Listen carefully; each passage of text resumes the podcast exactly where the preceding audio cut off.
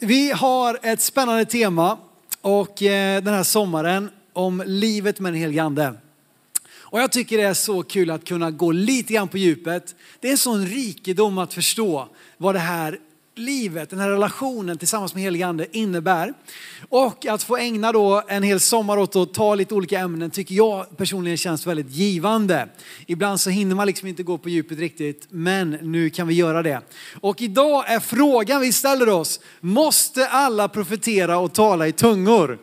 Det är liksom, man kan ju ställa många olika frågor i livet. Måste man äta grönsaker eller måste man liksom, måste man komma och måste man hjälpa till? Och som, som kristen, inte minst inom pingstkyrkan, ska man känna, måste alla tala i tungor? Måste jag profetera? Eh, och vi ska försöka besvara den frågan idag då. Men vi ska börja med att läsa i Apostlagärningarna 19 och eh, vers 1 till 7. Här är ett av de sex tydliga tillfällen där andens dop omnämns i apostlagärningarna. Och eh, då ska vi se bara någonting här i den här texten. Det står så här då, apostlagärningarna 19, vers 1-7. Medan Apollos var i Korint kom Paulus ner till Efesos efter att ha rest genom inlandet. Där träffade han några lärjungar och frågade dem, tog ni emot den helige ande när ni kom till tro? De svarade honom, nej, vi har inte ens hört att det finns en helig ande. Han frågade, vilket dop blev ni då döpta med? De svarade, med Johannes dop. Paulus sa, Johannes döpte med omvändelsens dop och sa åt folket att tro på den som kom efter honom, det vill säga Jesus. När de fick göra detta döptes de i Herren Jesu namn och när Paulus la händerna på dem kom den heliga ande över dem och de talade i tungor och profeterade. Tillsammans var det omkring ett dussin män. Jag tycker det är spännande att där Guds rike växer fram från Jerusalem, det blir precis det som Jesus har sagt i första eh, kapitlet i Apostlagärningarna. Ni ska vara mina vittnen i Jerusalem, i Judeen, i Samarien och jordens till jordens yttersta gräns. Och överallt där det här evangeliet växer fram så händer det saker. Det kommer ett tydligt mönster. För det första så kan vi läsa gång på gång just det jag bad i min bön här inledningsvis, att Guds ord har framgång. Jag tycker det är ett underbart sätt att beskriva framgång i Guds rike, ja, men det är när Guds ord har framgång. Då har vi en, en, en hälsosam kyrka. Då har vi en kyrka på frammarsch när Guds ord har framgång. Och det ser vi gång på gång i apostlagärningarna. Och när Guds ord har framgång så följer också under och tecken. Saker händer som inte går att förklara. Människor blir helade, människor, eh, saker som inte, liksom det övernaturliga äger rum. Och när Guds ord har framgång och under och tecken följer så kommer människor till tro och låter döpa sig i vatten. Gång på gång på gång så ser vi det att när de har kommit till tro, ja då ska ni också bli döpta. Hela tiden i samband med omvändelsen. Dopet är alltså ingenting att vänta på som ett diplom eller någonting att förtjäna, någonting att liksom, eh, ja när jag läser hela bibeln och så vidare. Utan dopet är en gåva för att kunna inleda livet, relationen med Jesus. Och det är det mönstret vi ser väldigt tydligt. Och när det då har skett detta, det är inte alltid exakt den ordningen, men då ser vi också att den helige ande kommer över de troende som börjar tala i nya tungor och profetera inledningsvis. Sen händer det mycket andra saker också. Men det är någonting med detta. Och sedan ser vi eh, nummer fyra, min lilla enkla fyrstegsraket här. Att Guds rike då växer från plats till plats och förföljs av utomstående. Förföljelsen är en självklar del där Guds rike bryter fram. Och jag tycker det är så eh, faktiskt utmanande för oss som är i en del av världen. Vi tycker nu att det är en del förföljelse. Det har varit mycket negativ media, inte minst riktad mot pingst och frikyrkan i allmänhet eh, och religiösa grupper den här våren. Mycket tryck nu, man vill dra tillbaka bidragen. Om någon säger fel, något som inte är politiskt korrekt, ja då ska hela rörelsen drabbas. Vi upplever en viss typ faktiskt av religiös förföljelse i Sverige idag. Men inte på långt när på samma sätt som man gör i många andra delar av världen där man kan få betala betala med sitt eget liv. Vi var nere i Israel och eh, passade på att träffa, eh, för några veckor sedan, passade på att träffa Nashat Filmon som vi samarbetar med, som är ledare för det palestinska bibelsällskapet. Och han hade mötts med ledare för bibelsällskap från hela Nordafrika, från Mellanöstern, från Turkiet. Ledarna för dessa bibelsällskap har haft en konferens eller någon typ av sammankomst. Och de har diskuterat vad är det som gör en kyrka framgångsrik? Då har de sagt nummer ett, Guds ord. Det är, liksom, det är grunden, de jobbar med Bibeln. Det är grunden. Bibel, bibelspridningen, bibelläsningen, bibelundervisningen. Det är liksom det, utan det så kan vi lika gärna lägga ner. Om du kommer till en, en kyrka och du liksom får höra någon litet bibelord någonstans någon gång och ingen, vi får inte ens slå upp den, vi får inte ens läsa den tillsammans, vi får inte se den på skärmen.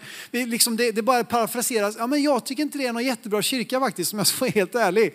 Utan en bra kyrka är där Guds ord läses och det får ta mycket utrymme i våra gudstjänster. Guds ord sa de. Sen också förföljelse. De här ledarna för bibelskapet i de här tuffa, tuffa delarna av världen, Mellanöstern, eh, Nordafrika, Turkiet. De säger att förföljelse är en ingrediens för en framgångsrik kyrka. Och sen till sist så talar de om ledare. Att ledare är en nyckel för att kunna liksom ta hand om, vårda, lärjungaträna. Guds ord, förföljelse och ledare. Eh, det var deras, liksom, vad de kom fram till. Det här är kännetecken för en framgångsrik kyrka. Jag kände det var så utmanande för mig. Att inte bara faktiskt klaga på om vi nu får uppleva en viss typ av förföljelse. Utan faktiskt vara redo liksom att Gud, whatever it takes. Det här är tillfälle för Guds rike att växa ännu starkare i Sverige. Det här är tillfälle för människor att få möta Jesus även om det kommer lite tuffa tider också. Men Nyckeln för att det inte stannar av, nyckeln för att det går vidare, att det inte stannar med någon som kommer till tro, det är det jag nämnde som nummer tre. Jag var inte så tydlig med mina punkter men i alla fall. Men den tredje är just att den helige ande kommer över de troende och de aktiveras. De skickliggörs genom dop den helige ande. Så att vi kan predika, så att vi kan leda nya människor till tro, så att vi kan förklara Guds ord på ett sätt som är relevant, så att vi kan be för sjuka så ser de bli friska genom att den helige ande kommer över de troende. Och vi ser det så tydligt i det här bibel, bibelsammanhanget i Apostlagärningarna 19. Predikan, Guds rike kommer till en ny plats. De har ju redan fått höra om Jesus. De, har, de är troende, de är lärjungar. Men det finns tydligen mer att upptäcka och Paulus får fråga dem, har ni tagit emot den helige ande? Har ni blivit döpta i Jesu namn? Eller så att säga bara med Johannes döparens dop. Eh, och så finns det då mer för dem. Och jag tycker det här talar både till den som kanske till exempel blivit döpt eh, i en tradition som kanske inte är direkt hämtad ur apostlagärningarna utan mer kanske kristna traditioner. Så tror jag det finns ett bibelord här som säger, ja men okej, det är fine, det är bra att du blir döpt på det sättet. Men låt det nu också döpas i Jesu namn genom nedsänkning på din egen bekännelse. Eh, tycker jag att det finns ett stöd för det här bibelordet. Och också just att det här med dop i helig ande, det är någonting att, att upptäcka efter tron. Det finns någonting mer i, i det kristna tron. I frälsningen så flyttar den helige ande in i oss. Vi blir pånyttfödda, nya människor, nya skapelser på insidan. Samma personnummer, samma frisyr om du inte klipper dig samtidigt. Eh, men en ny människa på insidan. Men i Andens dop så ser vi här det här som vi läste att den helige ande kom över dem. Alltså vi blir, vi blir doppade stoppade, vi blir inneslutna i Guds närvaro. Och vi blir aktiverade genom den helige andes kraft och så vidare. Nu ska vi inte komma till detta med, med andens dop då? Jo absolut. Då är frågan då, vad händer när människor blir döpta i den helige ande? Vad händer egentligen när människor blir döpta i den helige ande? Ja, mycket händer. Jag har redan nämnt det lite grann och jag tycker i alla fall att det finns sex tydliga tillfällen i apostlagärningarna som beskriver detta i kapitel 2, 4, 8, 9, 10 och 19 tycker jag att det är tydligt att det talas om andens dop i, alltså att, att det händer. Eh, Jesus, alltså de pratar ju om det men att det, att det händer liksom. Eh, och vad, är det som, vad är det då som sker? Jo i kapitel 2, 10, 19 och 19 läser vi nu. Där står det uttryckligen att de börjar tala i nya tungor. Eller de börjar tala i tungor. I kapitel 19 står det även att de profeterade. De började tala i nya tungor och profetera. I, eh, eh I kapitel 9 så är det Paulus som blir fylld av anden. Och där står det inget om tungotalet, men senare, vi ska läsa det sen, så talar ju Paulus om att jag talar mer i tungor än ni alla tillsammans ungefär. Han är ödmjuk kille i alla fall. Och i Apostlagärningarna 8 står det att trollkaren Simon som såg vad som hände, han såg att anden gavs genom apostlarnas förbön och handpåläggning. Han såg någonting. Eh, och om man ser någonting, då måste han ju ha märkt någonting. Det kan ju inte bara vara så här att ja, nu blir ni döpta i helig ande och så står de här och, och, är helt tysta och så går de därifrån. Utan han såg någonting. Så i alla fall i fem av de här sex tillfällena menar jag på att vi kan liksom tala om att man börjar tala i nya tungor.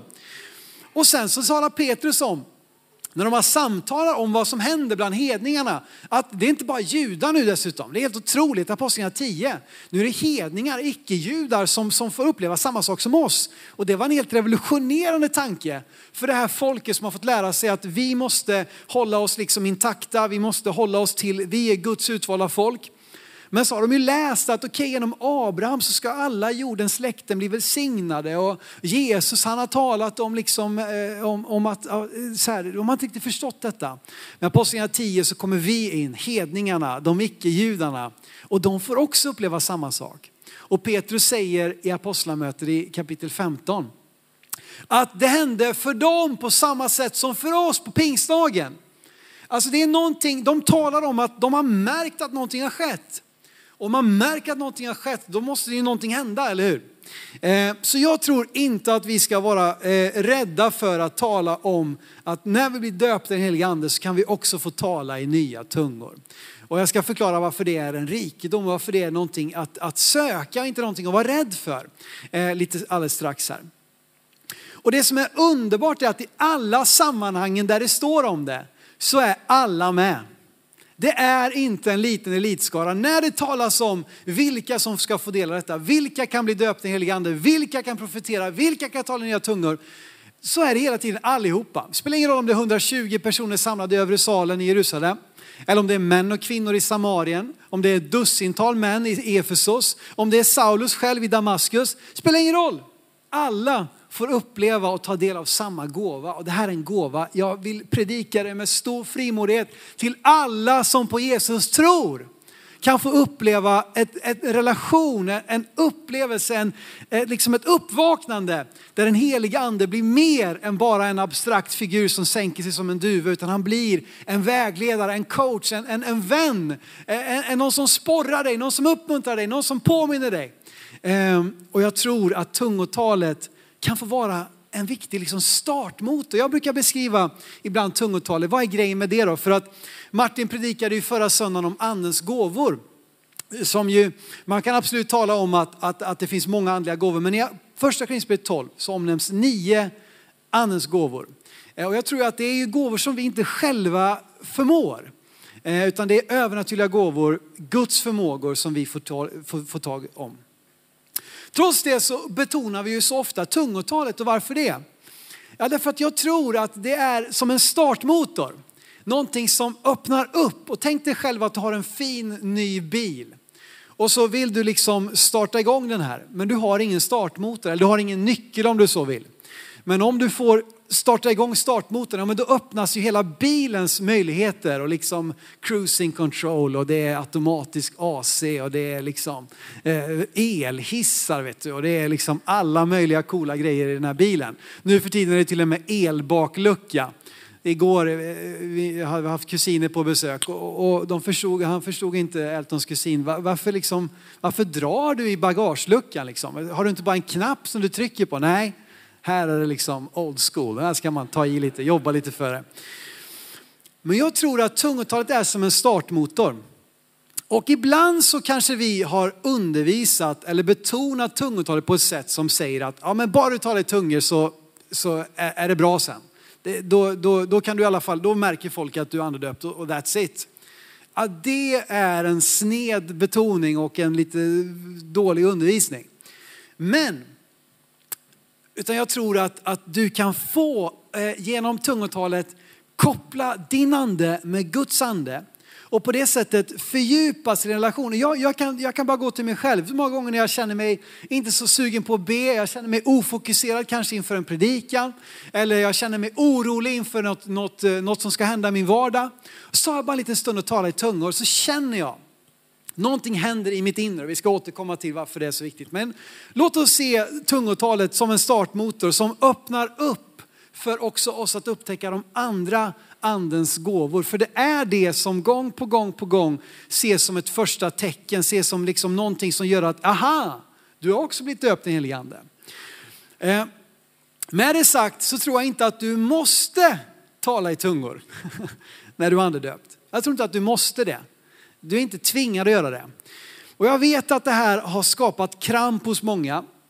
Jag vet att det ibland har förekommit lite osund undervisning.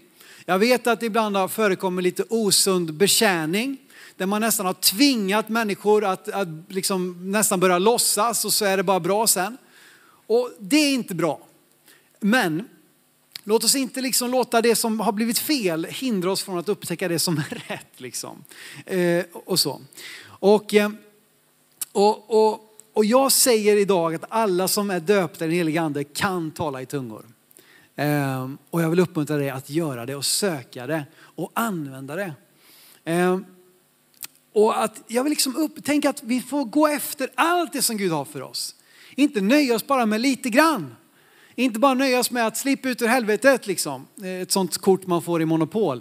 Det är väldigt bra. Det är väldigt härligt att veta att vi inte behöver komma till helvetet. Det är underbart. Det är ju frälsningens essens.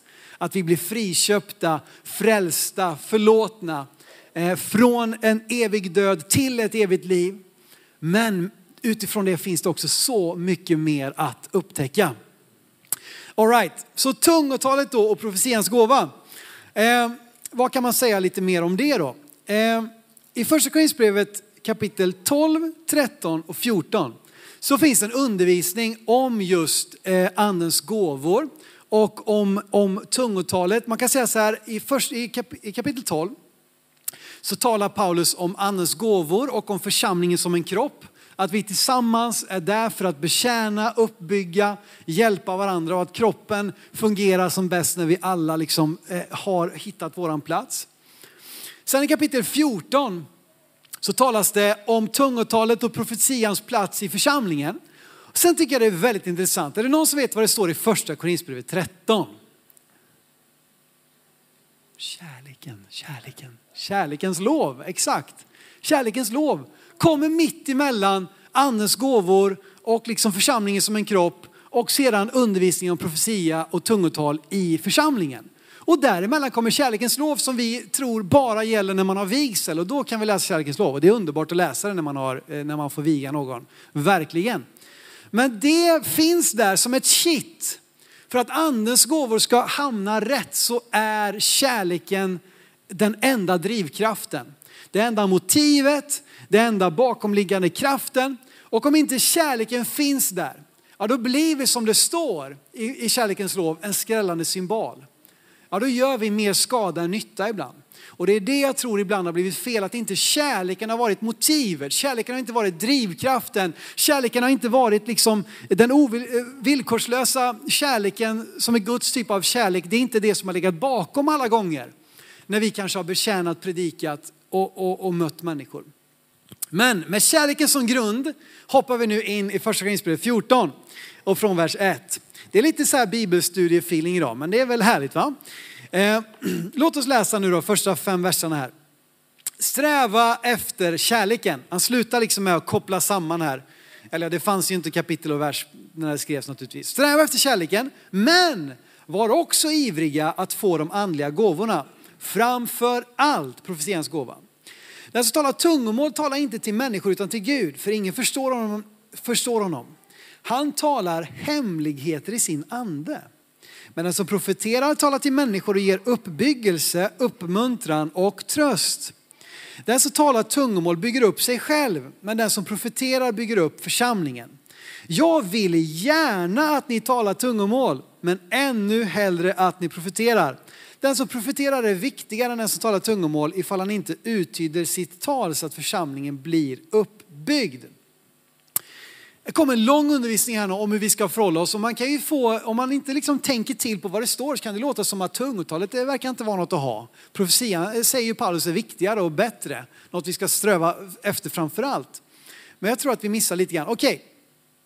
vi står för det första, sträva efter de andliga gåvorna, sträva ivrigt efter att få det. Eh, sen jag fick tag om den här undervisningen i liksom mitten, slutet av mina tonår, så under lång tid och ibland så tänker jag varför har jag slutat be om det så mycket som jag gjorde då? Men liksom att bara be Gud, låt mig fungera i andens gåvor. Helige ande, låt mig profetera. He, när bad du senast en sån bön? Ja, vi uppmuntras att vara ivriga, frimodiga i att söka andens gåvor. Särskilt profetians gåva. Okej, vers två här då. Där står det så här att, att eh, den som talar i tungor, han talar hemligheter i sin ande med Gud. Wow! Du har ett hemligt språk med Gud. Genom tungotalet, eller bönespråket skulle man kunna kalla det. Man kan veckla ut det, det finns, många olika, eller det finns flera olika typer av tungotal, men nu talar jag framförallt om det här bönespråket, det personliga bönespråket som jag tror att Gud vill ge till varje troende. Att när du talar i tungor, det tungotal som du har blivit given, då talar din ande hemligheter med Gud. Det är underbart. Och vi ber så som Gud vill. Och inte sällan är det så att när vi talar i tungor så påminns vi också om en person, om en situation, om någonting specifikt. Och då kan vi också be med vårt förstånd, med våra ord så att säga. Men så ofta är det så att tungotalet, som sagt, det öppnar upp, det connectar. Det, när du ber i tungor så kan den helige ande ge dig en påminnelse om en människa och så kan du be för den människan specifikt. Eller så är det ibland bönämnen där vi inte vet vad ska man be? Vad ska man säga? Ja, men även där så är tungotalet en rikedom, en skatt. Så vet du vad, du har ett hemligt språk med Gud. Som inte heller den onda världen förstår. Onda, den onda världens, liksom, alla onda andar och demoner och djävulen själv förstår inte tungotalet. Utan det är ett, ett hemligt bönespråk som du talar direkt med Gud. Wow. Och sen står det då så här i vers 3. Den som profeterar talar till människor, vad då? Jo, och ger uppbyggelse, uppmuntran och tröst. Vad är profetians gåva? Ja, det är att tala ord av uppbyggelse, uppmuntran och tröst från Gud i rätt tid. Det är vad profetians gåva är. Det finns också andra andens gåvor som det kopplar in också. Kunskapens ord som är kunskap, övernaturlig kunskap om sådant som har varit eller sådant som är. Som kan mixas samman med profetians gåva. Eller visdomens ord som jag tror är att kunna förstå vad som ännu inte har skett och som vi kan få ord ifrån Gud. Men ibland har vi begränsat profetians gåva till att bara handla om att förutse saker som ska hända i framtiden. Och det är inte alls säkert att det alltid är det vi ska göra. Eh, utan profetians gåva i sin essens är att tala ord från Gud i rätt tid av uppbyggelse, uppmuntran och tröst. Och det min vän, det kan du få göra. Det kan jag få göra. Och vi ska vara frimodiga att göra det. Vi ska vara frimodiga att profetera. För den som profeterar bygger upp församlingen. Och Paulus vill ännu hellre att vi profeterar än talar i tungor. Eh, och därmed inte sagt att det ena utesluter det andra, utan vi kan få fungera i båda två. Så jag tror bara att du ska vara frimodig i att, vet du vad, lyssna in Gud, fråga Gud, Gud är det någon du vill uppmuntra idag? Gud, är det någon här inne som, som, som behöver tröst? Det, det, det kan vara ett sms, ett, ett, sms kan vara profetia. Ett samtal i rätt tid, ett, ett, ett telefonsamtal, ett besök, eh, ett, ett möte, att du går fram till någon här liksom i, i, på kyrktorget eh, eller i foajén liksom innan eller efter gudstjänsten som du kanske inte ens känner. Men som du upplever att Gud säger jag ska prata med den personen för att vad då? Jo, uppmuntra, uppbygga och trösta. Och då behöver du inte vara så rädd. Du måste inte gå fram och, och vara liksom jättekonstig och bara, du så säger Herren. Vet du vad? I Nya testamentet förekommer inte begreppet så säger Herren förutom när de citerar gamla testamentet. Så det var någonting med den gamla testamentet profettjänst där de, det, det, profeternas ord var detsamma som Guds ord. Min profetiska gåva är inte detsamma som att Gud själv talar. Det vill jag vara väldigt tydlig med att säga. Och därför tror jag att ibland har vi slängt oss lite väl mycket med så säger Herren och så säger någon nej så säger inte Herren. Och, och sen så, liksom så, så använder vi Herrens namn på ett sätt som jag tror inte alltid är sunt. Och det är också något som jag tror har skrämt människor från det profetiska. Hur kan jag veta att det verkligen är Gud? Ja, min upplevelse är, eller min uppfattning är så här att ofta är det en del av det Gud och en del av det är mig. Men om min motivation är uppbyggelse, uppmuntran och tröst, då behöver jag inte vara så orolig för att det kommer lite Simon också. För att det finns någonting i det som är av Gud. Och därför tror jag att det är mycket mer vettigt att säga, jag upplever att Gud säger det här. Jag tror att Gud vill påminna dig. Jag tror att, jag tror att det här bibelordet är till dig. Och så kan du bara ta bort pressen från att du bara får säga någonting om du vet att det är Herren själv som har talat. Sen kan du säga, du kan alltid citera Bibeln och säga så säger Herren. Det kan du vara trygg med. Så säger Guds ord. Så säger Herren i Matteus. Så säger Herren i Jesaja. Det kan du göra. Men jag tror att vi ska vara lite försiktiga när det kommer till att ge hälsningar, profetiska tilltal till varandra. Med det sagt vill jag uppmuntra dig att vara frimodig att testa. Var frimodig att profetera. Och jag brukar säga det ibland, liksom, du vet ibland så har vi begränsat det där till bara vissa tillfällen. Eh, men det profetiska tror jag ska funka i vår vardag på våra arbetsplatser, i våra smågrupper, i våra samtal, i våra möten, liksom både innan, efter, under gudstjänster, så tror jag att det profetiska ska vara en självklar del av när församlingen möts. Då finns det en profetisk skärpa. Därför att vi är där, vi har med Gud att göra och vi talar ord av uppmuntran, uppbyggelse och tröst till varandra från Gud i rätt tid. Underbart. Tungotalet bygger upp den troende, profetian bygger upp församlingen. Vi läser vidare i kapitel 14, vers 15 till 19. Eh, vi, vi hinner inte gå igenom hela kapitlet, men vi ska hoppa framåt lite grann. Det står så här, vad innebär detta? Paulus säger, jo jag vill be anden, men jag vill också be med förståndet. Jag vill lovsjunga anden, men jag vill också lovsjunga med förståndet. Om du, tackar Gud med and, eh, om du tackar Gud i anden, hur ska då de oinvigde kunna säga sitt amen? Här ser du, det finns en uppmuntran att säga sitt amen. När någonting har sagts, när någonting har predikats, när någonting har bett som du vill stämma in i, då kan du säga ditt amen till det som har betts, predikats och undervisats. Eh, vart var jag nu då? Jag blir så upp, upprymd när jag läser om detta. Men eh, vers 17. Du gör rätt i att tacka Gud men andra blir inte uppbyggd. Jag tackar Gud för att jag talar tungomål mer än någon av er. Det är så underbar, eh, liksom, åh, tack Gud, jag har pratat tungomål mer än någon av er, det ska ni ha klart för det. Men Paulus sa det med frimodighet. Men i församlingen vill jag hellre tala fem ord med mitt förstånd för att undervisa andra än tiotusen med tungomål. All right. Tungomålet har ett självändamål i det att du som troende stärks och byggs upp. Och dessutom vill jag tillägga att det är någonting som också stärker församlingen i den gemensamma bönen. I Judas vers 20, det får inte upp det på skärmen, men där står det att vi ska uppbygga varandra på er allra heligaste tro, be i den helige ande. Så jag tror att, att, när vi ber tillsammans som församling, att det finns ett, ett bönebrus. Vet du vad, jag tror inte att det ska tystna i någon församling, men det var någon som sa det att det finns ingenstans där det är så tyst som när det är tyst i en pingsförsamling. Liksom. Och det är någonting med det att vi föddes tungomålstalande och vi ska, för, vi ska fortsätta vara i bedjande och, och liksom låt det vara när vi ber tillsammans här i kyrkan, låt det vara ett bönebrus. Och du som undrar, vad, vad händer? Varför håller alla på och pratar i mun på varandra? Vet du vad, vi ber till den levande guden. Och vi tror att han hör och vi tror att han verkar och vi tror att han talar. Och när vi talar i tungor så talar vi tillsammans med heliga ande och lyfter bönämnen. Sen tror jag att som Paulus säger i församlingen vill han hellre ha fem ord i sitt förstånd än 10 000 i tungomål. Jag tror att här framme i talarstolen ska vi vara lite försiktiga med att stå här och dundra på i tungor och så vidare. Det kan ha sin plats vid, vid, vid liksom tydliga tillfällen, men jag tror inte att, att liksom det är där. Men att vi i den gemensamma bönen är ett tungomålstalande folk, det tror jag är viktigt. Vi ska vara frimodiga detta. Paulus mål är inte här att begränsa tungotalet när han säger att ni ska, hallå, du måste profetera också. Utan snarare stärka det profetiska. Han säger ju det, jag talar mer i tungor än någon av oss. All right, vi hoppar vidare fram till vers 31 och läser några verser till innan vi håller på och runda av lite grann.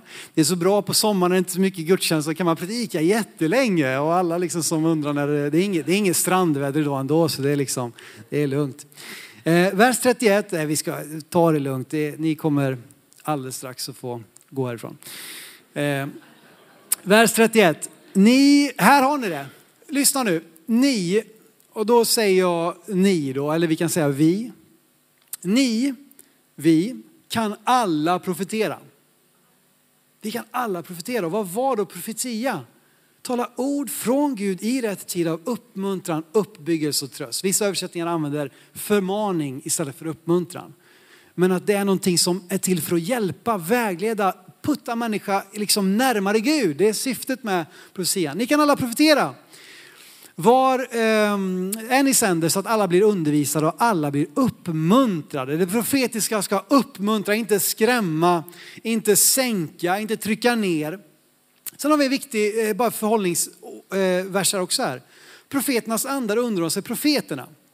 För Gud är inte ordningens Gud utan fridens.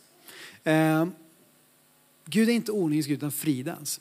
Jag tror inte att vi måste profetera okontrollerat och oh, nu är jag liksom, har jag ingen, nej jag tror att det som Gud vill säga till oss, det kan du få komma ihåg, du kan skriva ner det, du kan spela in det på ett röstmemo eller någonting. Eh, och så kan du få ge det i rätt tid. Det talas här om en viss ordning, liksom. ni kan profetera allihopa en ni sänder. Ja, men låt någon tala till, till punkt. Och när ni har smågrupper, tänk du vet, jag, jag, tror att vi ska vara mycket mer frimodiga med och bara liksom, sätt dig med någon nu, be och så profetera för den människan. Fråga Gud lite grann och så börja tala ord. Vad då? Vad ska jag säga? Liksom, oh, du ska sluta på jobbet och du ska skilja dig från din man. Nej, det ska du absolut inte göra. Men uppmuntran, uppbyggelse och tröst. Ja, det kan vi alla ge. Och om det bara var du som tröstade, ja, sämre saker kan hända. Men rätt vad det är och oftare än vad du tror så kommer det vara precis rätt tid. Det kommer vara precis det som den människan behövde höra. Även om det bara handlar om att, vet du vad, jag läste det här bibelordet och tänkte på dig. Läs det. Jag tror Gud vill säga, skicka din uppmuntran. Profetera. Var frimodiga. Och som jag har sagt, det här profetians gåva kan sedan också kopplas samman med de här andra uppenbarelsegåvorna. Och vi hinner inte gå in på allt det nu, men där även det, det som har med framtiden att göra och det som har med dåtiden och övernaturlig kunskap att göra. Men jag tror som sagt att essensen, det jag talar om här idag, det är profetians gåva i sin essens. Ord av uppmuntran, uppbyggelse och tröst från Gud i rätt tid. Amen. Och det här profetera, det är inte begränsat som jag sa till något visst tillfälle. Och ibland hör jag ett beklagande, inte minst kanske där man har varit van vid ett visst sätt att profetians gåva har fungerat. Eh, I våra sammanhang har det ju varit vanligt eh, liksom att, att någon kanske har eh, tagit till, till, till ton så att säga mitt i gudstjänsten och ofta talat lite i tungor högt så att alla hörde det och sedan framburit ett profetiskt budskap. Och och jag tror att, att vi ska inte, liksom bara för att det inte sker exakt på det sättet idag, så ska vi inte säga att det inte finns något profetiskt. Det profetiska är inte begränsat till den sättet att frambära budskap. Vi kan frambära budskap på många olika sätt. Och jag vill uppmuntra dig, om du upplever någonting ifrån Herren, så kom och tala om det för mig eller för någon av pastorerna här, för någon eh, mötesledare. Så kan vi också, för ibland har det blivit betoning på budbäraren istället för budskapet. Och därför så kanske det inte ens är så att det alltid är den som har fått budskapet som ska säga budskapet. Där man kan säga, det här har jag upplevt, jag har skrivit ner det här, jag tror att det kan vara till någon. Något vi ofta gjort på Reclaim och våra ungdomsmöten är att vi innan gudstjänsterna har bett och sökt Gud och så har vi frågat, är det någon som upplever någonting här från Gud? Och jag tror att det här är något vi ska komma igång med eh, framåt här. Vi, vi är tacksamma för att en, efter pandemin och allting, bara bjuda in till förbön varje söndag. Vi vill be för dig, vi tror att Gud vill verka. Men också att vi då kan lyssna in Gud innan mötet och skriva ner. Här, fyra, fem, sex, sju, åtta punkter som vi upplever Gud har ett budskap till någon här. Någon som kan vara fysiskt skadad, någon som kämpar med någonting och så kan det få bli en bekräftelse som hjälper oss i förbönen. Om du inte förstår vad jag menar så kan vi alltså innan gudstjänsten, kan man profetera innan gudstjänsten? Kan Gud tala innan allting? Ja absolut. Vi kan skriva ner det och vi kan frambära det här framifrån och så kan vi säga om du upplever att det här har något av detta träffar dig, kom till förbönsplatsen. Det här är någonting jag tror att vi ska plocka in. Kanske inte varje söndag, men, men oftare. Eh, och vi kan ge, och jag tror min bön också att våra gudstjänster alltid ska ha en profetisk dimension. Det som Emma delade förut, jag, jag, vet att hon har sökt Gud den här veckan för att fråga Gud, vad är det du vill att jag ska dela i insamlingen i samband med, med bönämnena? Och vi tror att allt det här ska få vara lätt av Gud. Lovsången, att det förbereds profetiskt. Eh, predikan, jag ber Gud, låt vår predikan och vår förkunnelse vara profetisk. Ord från Gud i rätt tid. Så låt oss inte begränsa det profetiska till att bara kunna vara på ett visst sätt som vi har varit vana vid. Jag tror att det kan ske på många olika sätt. Och till sist så uppmanar Bibeln oss att pröva det profetiska. Ibland så har profetiska ord missbrukats och det har låst människor, det har skrämt människor. Men vet du vad, jag tror att det profetiska det bekräftar någonting i dig. Det är någonting som inte är helt främmande för dig. Jag tror inte det. Jag tror att det profetiska det kommer som en bekräftelse, en påminnelse. Eh, eh, och det kanske inte alltid är liksom, eh, det kan, det kan ju göra lite ont ibland. Det kan ju vara någonting som är lite utmanande för oss. Men jag tror inte på profetiska budskap som får dig liksom att, att bara du vet, släng, alltså, om, du inte, om det inte bekräftar vad du känner i ditt inre. Utan du får pröva med den helige ande vad som har getts dig. Och så står, säger Bibeln att vi ska behålla det goda och sen kan vi kasta bort resten. Därför att jag tror att ofta är det, någonting av det är från Gud. Gud, var av detta? Vad vill du säga till mig genom detta budskap?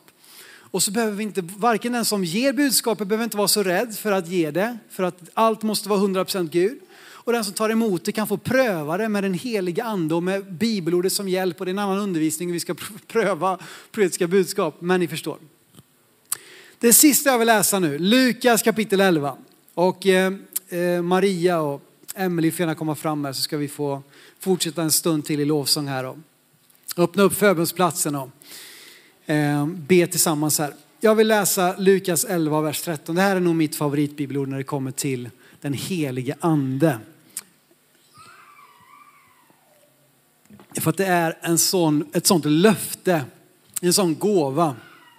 Det står så här, Lukas 11, vers 13. Om nu ni som är onda förstår att ge goda gåvor till era barn, hur mycket mer ska du inte er far i himlen ge den heliga ande åt vem då? De som ber honom. De som ber honom. Du vet, du kan få be honom, ge mig mer utav den heliga ande. Låt mig fungera i andens gåvor. Låt mig tala nya tungor. Det var så underbart för ett par veckor sedan så fick jag be med en här i förbundsplatsen som började tala nya tungor. Och vet du vad, det är någonting som, som, som är givet oss. Och jag vill säga så här, låt ingen ta ifrån dig vad Gud har lovat dig. Låt ingen ta ifrån dig vad Gud har lovat. Därför att det Gud har lovat är också mäktig att hålla. Det Gud har lovat, det ska ingen liksom halvbra predikan ta ifrån dig. Det ska inte någon enstaka andlig ledare som kanske inte var, gjorde sitt allra bästa liksom försök den där gången när någonting inte gick fel. Låt inte det ta ifrån dig vad Gud har lovat dig. Att den som ber honom vill vår far i himlen ge den helige ande och fullheten av honom. Allt det som vi talar om den här sommaren. Det är för oss, för dig och mig att söka, att be om, att fråga efter. Men frågan är också när bad du senast om det? Nu ska vi be tillsammans och i detta så kom ihåg att anden är en person. Och när du tar del av anden så tar du emot allt. Han är ingen abstrakt flummig kraft, han är en person. Så när han är i dig och över dig så finns fullheten av Guds ande där du är. Ska vi stå upp tillsammans? Och den som är redo att vara med i förbön får gärna komma fram här till, till eh, eh första bänken här på min eh, högra sida. Så är vi några stycken som gärna vill be för dig idag. Eh, och eh, jag har bara ett, en, ett, eh, en, en hälsning. Jag upplever just att, jag har varit inne på det lite grann, men att, att du kanske finns här som just har det här såren från negativa upplevelser av karismatisk kristendom. Jag tror att Gud vill lösa dig från det idag. Jag tror att Gud vill ta bort de där såren, lätta ditt hjärta och låta dig få en, en sund, du, vet, du, måste, du måste inte skrika, du måste inte bli koko och liksom dansa runt. Om du gör det, fine, men liksom, det är, inget, det är inget, det är inget måste, utan Gud kan möta dig där du är, så som du är, på det sätt som du behöver. Och han kan låta dig få del av det som du kanske har kämpat för att få. Så jag vill bara uppmuntra dig. Jag tror att du finns här som Gud vill bara lösa från de här såren. Såren har du inte ansvar för. Du är inte ansvarig för de såren som du har fått. Men upprättelsen och försoningen, där behöver du vara med. Där behöver du säga Gud hjälp mig att förlåta. Hjälp mig att komma vidare. Hjälp mig att släppa och kunna ta, ta, liksom, ta nya steg framåt.